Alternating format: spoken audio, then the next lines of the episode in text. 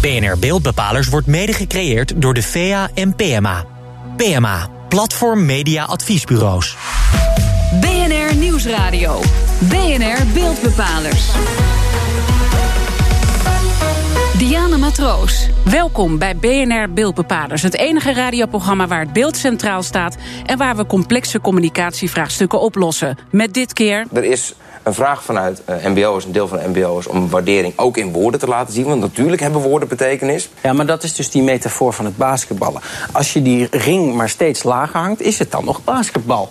als, als straks eigenlijk iedere jongere in Nederland studeert. Wat betekent het dan nog? Kan het veranderen van één woord zorgen voor een cultuurverandering? Of heeft het totaal geen zin om MBO'ers straks studenten te noemen?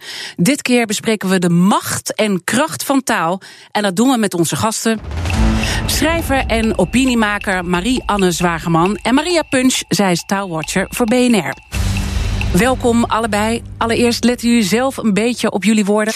Ja, uh, ik let zeker wel op mijn woorden, soms bijna een beetje op het neurotische af. Dat komt denk ik door mijn werk in de journalistiek, waar je je woorden heel goed weegt. Uh, en ik ben al een aantal jaren aan het lesgeven. En ook daarin merk ik dat er niet één setje woorden is wat werkt of niet werkt. Maar dat het heel erg helpt om uh, je bewust te zijn van je eigen taal en te zien hoe dat bij een ander aankomt. Marianne, hoe is dat voor jou? Nou, ik ben schrijver, dus ik hou heel erg van mooie zinnetjes en mooie woorden. Uh, maar ik hoor mezelf ook wel eens een woord gebruiken waarvan ik denk: weet ik eigenlijk wel precies wat het betekent? En dan zoek ik het ook nog wel eens op.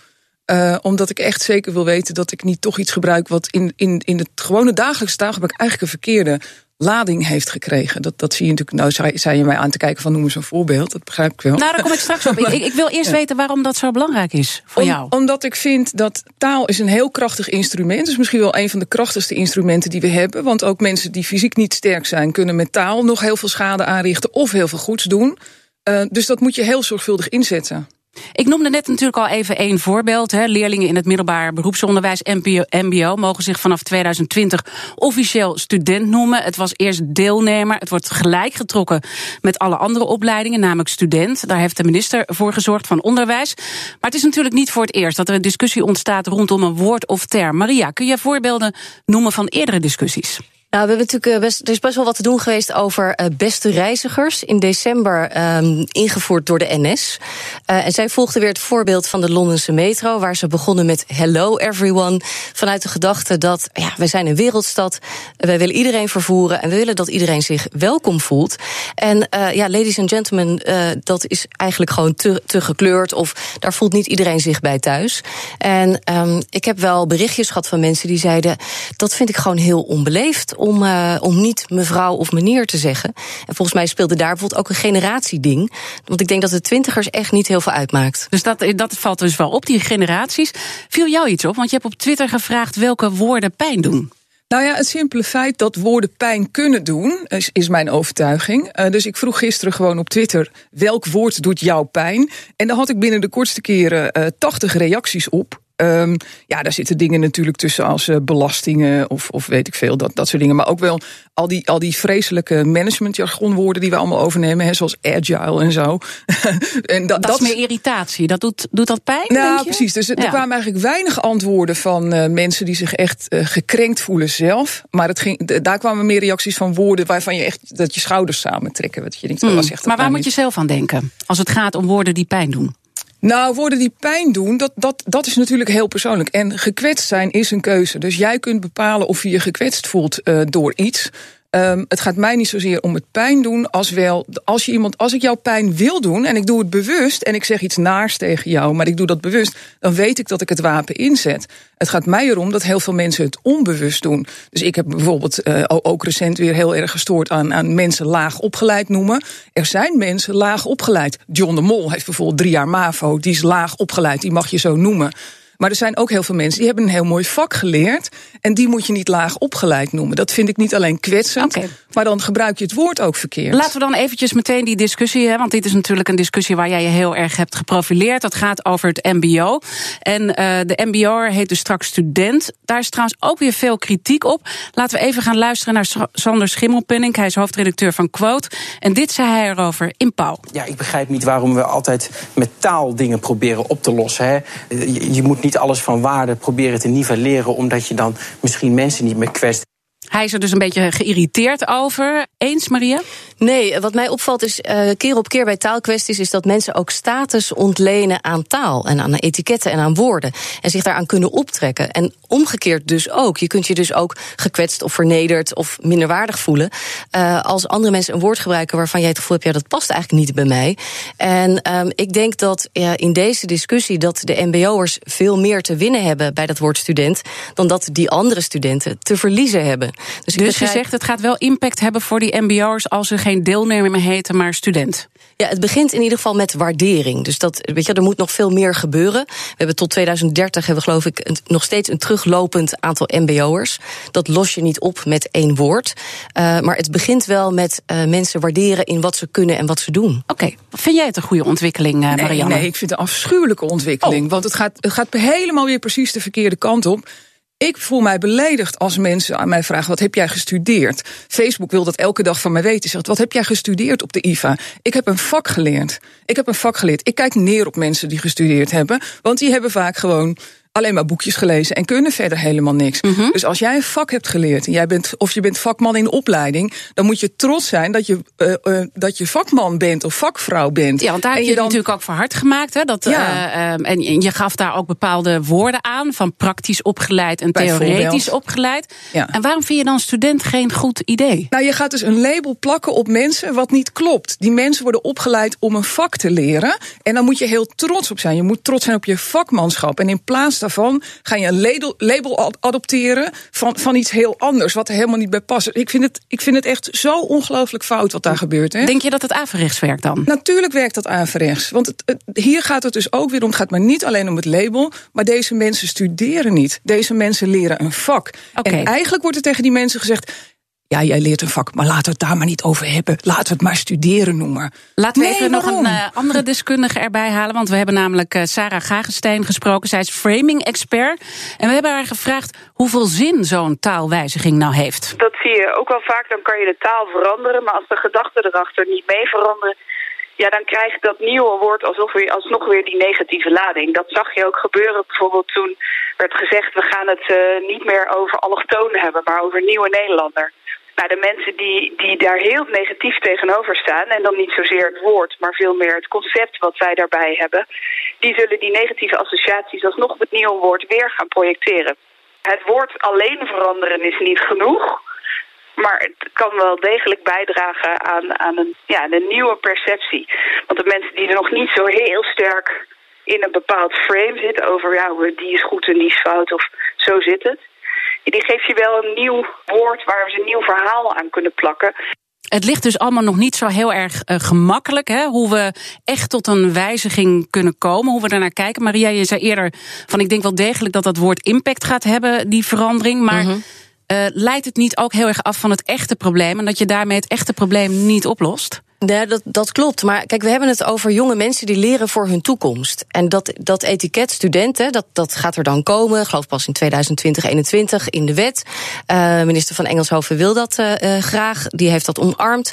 En de een is na die paar jaar een statisticus. En de andere een arts. En de volgende een loodgieter. En degene daarna een kapper. En die mogen wat mij betreft allemaal even trots zijn op het vak of de richting die ze geleerd hebben. Um, en, en daar zijn we natuurlijk nog steeds niet. Uh, dan hebben we nog steeds niet de waardering voor techniek. En ik denk dat ik daar wel een beetje bij Marianne kan aanhaken. Dat uh, het begint uh, bij al deze beroepen, waar we dus die MBO-studenten, waar we een gierend, uh, gillend tekort aan hebben, uh, waardering voor iets maken, voor iets repareren. En dat is volgens mij begint dat op de basisschool. Ja. Moet je dan niet gewoon concluderen dat zo'n verandering van zo'n woord een opening is voor een gesprek en dat de echte verandering pas daarna komt? Ja, maar voer dan ook het echte gesprek. En het gesprek zou moeten gaan over het respect voor vakmanschap maar ook over het enorme misverstand wat ongeveer sinds de jaren 50 in onze maatschappij geslopen is. Dat leren iets is wat je doet met een boekje voor je neus. Leren doe je in de praktijk, in heel veel gevallen, mm -hmm. in heel veel beroepen. Dus dingen die je leert door wat te doen, zijn vaak waardevoller dan dingen die je leert uit een boekje. Er zijn heel veel mensen die hebben gestudeerd, die kunnen heel goed boekjes lezen, die kunnen verder niet zoveel. En er zijn heel veel mensen die slaan nooit ja. in hun leven een boek open, maar die kunnen een geweldig huis bouwen of jouw auto repareren. Overigens, dat laatste lukt niet zonder een boek te lezen, want dat is hartstikke ingewikkeld. Ja, maar, maar, maar toch even, is het nu zo dat, dat, uh, dat taal zo'n krachtig wapen is dat het uh, levens kan verwoesten. Dat Ja. we ons daar meer bewust van moeten zijn. Want de reden dat we zo weinig vakmensen hebben en dat er in, in allerlei technische beroepen wordt geschreeuwd om personeel, is dat ouders het heel vervelend vinden om hun kind een vak te laten leren, omdat wij dat laag noemen. Een vak leren laag noemen is gewoon echt heel dodelijk. Straks is het wel zo dat we meer op onze woorden moeten letten. Of zijn we misschien toch gewoon een beetje te snel op onze tenen getrapt? BNR Nieuwsradio. BNR Beeldbepalers. Welkom terug bij BNR Beeldbepalers. Dit keer kijken we naar de macht van taal en we vragen ons af wat de impact van een taalwijziging eigenlijk is. Dat doen we met onze gasten, schrijver en opiniemaker Marie-Anne Zwagerman en Maria Punch, zij is taalwatcher voor BNR. Uh, we hebben natuurlijk al even naar die discussie uh, gekeken rondom woorden. Ik begrijp heel erg van jullie van, nou, we moeten ons daar heel erg bewust van zijn wat we doen. Maar zijn we niet ook een beetje te snel op onze tenen getrapt? Ja, maar dat staat denk ik los van, uh, van woorden. We zijn in, in, in algemeenheid uh, nu als, als, als maatschappij wel redelijk overgekookt en, en over alles meteen beledigd en alles wordt meteen in discussie. In de media, zeg ik er even bij. Ik las toevallig vanochtend een onderzoek, uh, dat was gedaan op de, op de werkvloer door het SCP, geloof ik, onder allerlei mensen. Nou, daar bleek bijvoorbeeld dat MeToo helemaal niet leeft op de werkvloer. Denk maar, wij hebben het de hele dag over. Dus um, dat moet je wel even uit elkaar trekken als we dan kijken wie dan een taak heeft in dit verhaal, Maria, moeten uh, schrijvers, mediamakers, journalisten hier meer mee bezig gaan? Nou, kijk, iedereen heeft een belang. Dus uh, uh, ik denk dat uh, zeker media heel bewust zijn van wat voor woorden ze gebruiken. Ik bedoel, de Telegraaf schrijft over een steeksyriër. Dat is de man die op een zaterdagmiddag op een aantal mensen begon in te steken. Ja, alsof dat een soort categorie mensen is. Je hebt gewone Syriërs en je hebt klaarblijkelijk ook steeksyriërs. Um, dus ik bedoel, media kan nieuwe woorden introduceren, kan de toon van de discussie natuurlijk ook wel zetten. Dus wij hebben een macht, we hebben verantwoordelijkheid. En uh, ik vind het heel belangrijk om die goed te gebruiken. En vind je dat het beter is geworden? Doen we het beter als mediamakers? Want ik weet uit het verleden nog wel mm -hmm. hè, dat, dat in nieuwsuitzendingen veel, ja, veel stereotyperingen werden gebruikt. Ja. Zo'n uh, Syrische steker, uh, die ja. jij dan net noemt, is daar wel een voorbeeld van. Is het beter geworden? Ik denk wel dat we er ons bewuster van zijn. Van stereotyp taalgebruik. Van uh, taalgebruik waarbij je mensen heel duidelijk in een groep uh, wegzet. Een collega vroeg mij een keer. Uh, het lijkt wel alsof we hier op BNR vrouwen met hun voornaam en achternaam aankondigen. En mannen alleen met hun achternaam. Dus toen ben ik dat gaan uitzoeken. En zei ik, nou weet je, ik kom dus in de verhoudingen niet. Weet je, er is echt geen complot. Maar we zijn niet consequent. en waarom hebben we het wel over Jet Bussemaker en alleen over minister Ascher bijvoorbeeld destijds? Uh, dus dat zijn wel dingen waarvan ik denk dat we in ieder geval uh, er steeds bewuster van worden. Bewuster van worden, maar dus nog wel een wereld te winnen. En dat vind jij ook. Ja, ik vind dat we in een enorme napraatmaatschappij leven. En dat media zich daar net zo schuldig aan maken. Dus uh, we nemen continu maar woorden en zinnen van elkaar over. Zonder na te denken, wat, wat zeg je hier nou eigenlijk? En en daar stoor ik me altijd heel erg aan. Bijvoorbeeld zoiets als: What doesn't kill you, make you strong, makes you stronger. Ja, dat doet mij heel erg pijn. Ik ben zelf chronisch ziek. Ik ga er niet dood aan, maar ik zou toch morgen liever kwijt zijn. En dat, dat zeggen mensen dan maar de hele dag tegen elkaar. Dat, dat soort domme dingen. Dat ik denk: denk nou eens even na wat je zegt. En, en, en, en dat hoor je journalisten net zo goed doen. Iets als het glazen plafond, ook zo'n verzinsel, bestaat helemaal niet. Maar we blijven dat maar zeggen. En dan doen we net alsof het wel bestaat. Dus dat woord is wat jou betreft aan vervanging toe. Heb, en je noemt ook waar je gekwetst uh, bent geweest. Heb jij een voorbeeld waar je gekwetst bent geweest door een bepaald woord?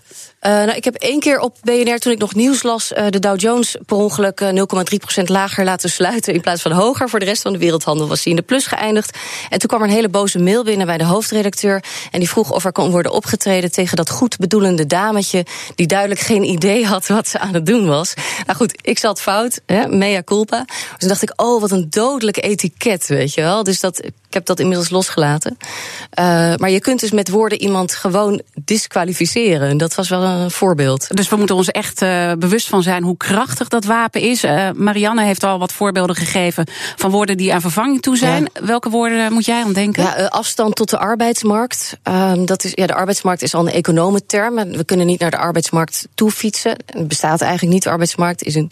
het is jargon. En dan, ik heb nog nooit iemand horen zeggen: ja, ik heb toch zo'n afstand tot de arbeidsmarkt. Daar moeten we iets beters op verzinnen.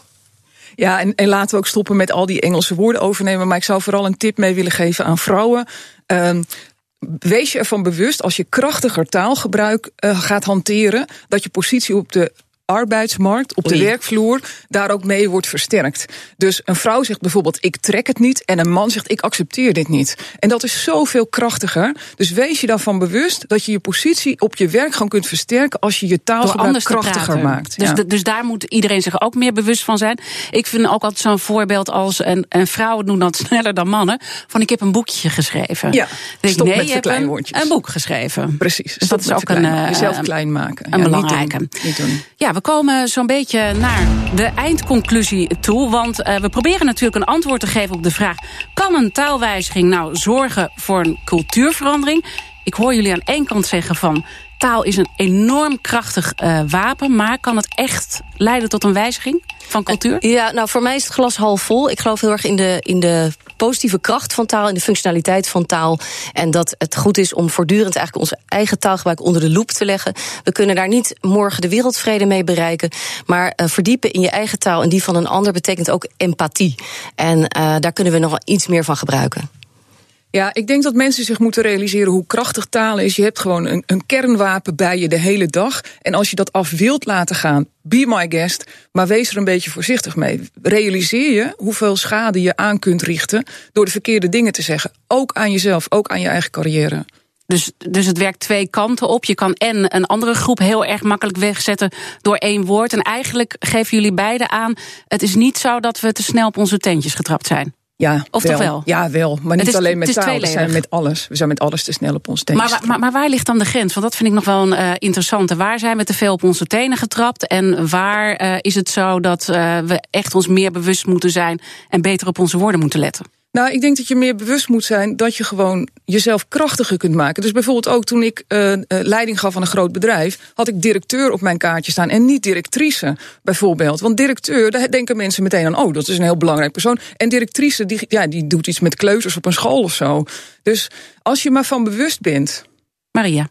Ehm, wat was de vraag ook weer? Sorry hoor. Ik was Nou, even, waar de- te luisteren. Ja, Nou, nou, waar de grens eh, nou daadwerkelijk ligt tussen eh, waar ben je nou te snel op je tentjes Ja. getrapt als het om woorden gaat, of waar moeten we ons beseffen dat taal wel een heel krachtig wapen is en dus levens kan verwoesten, hè, zoals, jij, zoals jij dat eerder zei. Ja, nou ja, ik, wat mij opvalt is dat mensen die snel op hun tenen getrapt zijn, ook eigenlijk gewoon willen dat alles bij het oude blijft. En die zeggen, ja, mogen we dan niks meer zeggen? En ehm, ik denk, je houdt de verandering toch niet tegen. Ehm, dus nee, ik vind eh, dat we echt niet zo snel eh, gepikeerd moeten zijn. De beeldbepaler van de week. Tijd voor de beeldbepaler van de week. En dit keer week 23. Carlijn, wat is je opgevallen die week? Ik heb dit keer niet één, maar honderd beeldbepalers voor Wauw. je. Ja, ja. Afgelopen week was het festival Act for Democracy in de Bali. Daar hebben honderd creatieven vanuit heel Europa, waaronder architect Rem Koolhaas en fotograaf Wolfgang Tilmans, vier dagen met elkaar nagedacht over de vraag. Hoe verkopen we de Europese Unie en daarbij de Europese verkiezingen in mei 2019 aan het volk? Hoe krijgen we mensen zover dat ze naar de stembus gaan? Eh, luister even mee naar Juri Jansen van reclamebureau Roorda. Hij was een van de aanwezigen en hij geeft een voorbeeld van een van die ideeën die voorbij kwamen. Nou, een van de narratieven was. Probeer het nou eens in historisch perspectief te krijgen. Zeg maar die verwende late babyboomers die bij de Brexit anti-EU hebben gestemd. Ja, dat zijn toch eigenlijk mensen waarvan je kan zeggen dat hun grootouders hebben eigenlijk ooit voor de EU gevochten. Dus we hebben daar een narratief bedacht waar we gezegd van, eh, in het Engels was dat de tagline: Your parents fought for it. Your children rely on it. You just have to vote for it. Ja, dat was dus een van de vele ideeën. Een ander groepje had bijvoorbeeld bedacht om, om de, die data wat duidelijker te maken. Om de resultaten en budgetten van de verschillende landen te laten zien in het aantal Neymars. De voetballer. Ook heel creatief. Ja, ja, en het mooie was natuurlijk dat iedereen meteen dat plan kon toetsen bij die mede-creatieven uit andere landen. Dus werkt iets voor jouw land, maar werkt het ook voor een ander land? En uh, er was ook iets wat minder leuk. Er zat iemand van het Europees Parlement in de zaal, uh, die na de uh, presentatie zei: Ja, superleuk, maar we hebben al uh, een website laten bedenken door onze stagiaires. een beetje een gemiste kans, heb ik het idee. Uh, maar gelukkig zijn die 100 creatief van plan om het hier niet bij te laten zitten. Ze gaan proberen een stichting op te richten. En die moet ervoor zorgen dat deze internationale stem, die eigenlijk tijdens deze dag is gevormd, toch nog gehoord gaat worden. dus toch een Europa. beetje een inhaalslag. Volgens mij kan dit een hele uitzending worden. Dat denk ik ook. Hè, Van hoe gaan we Europa eh, beter verkopen? Eh, hebben jullie al ideeën hoe we Europa beter zouden verkopen? Want dit dossier eh, duurt nou wel heel erg lang. Nou, Marianne. in ieder geval geen opgeheven vingertjes. En hoe mooi ik die quote ook vond van die meneer Van Roorda... zit er toch een opgeheven vingertje in. Jij moet hier beter over denken dan dat je doet. En je, zou veel meer eigenlijk in, in een vragende vorm moeten zeggen... van goh, we zitten hier met dit hele instituut, help ons, hoe kunnen wij het beter maken? Ja, maar ze hebben dus nu wel nagedacht om het eh, creatiever in te kleden.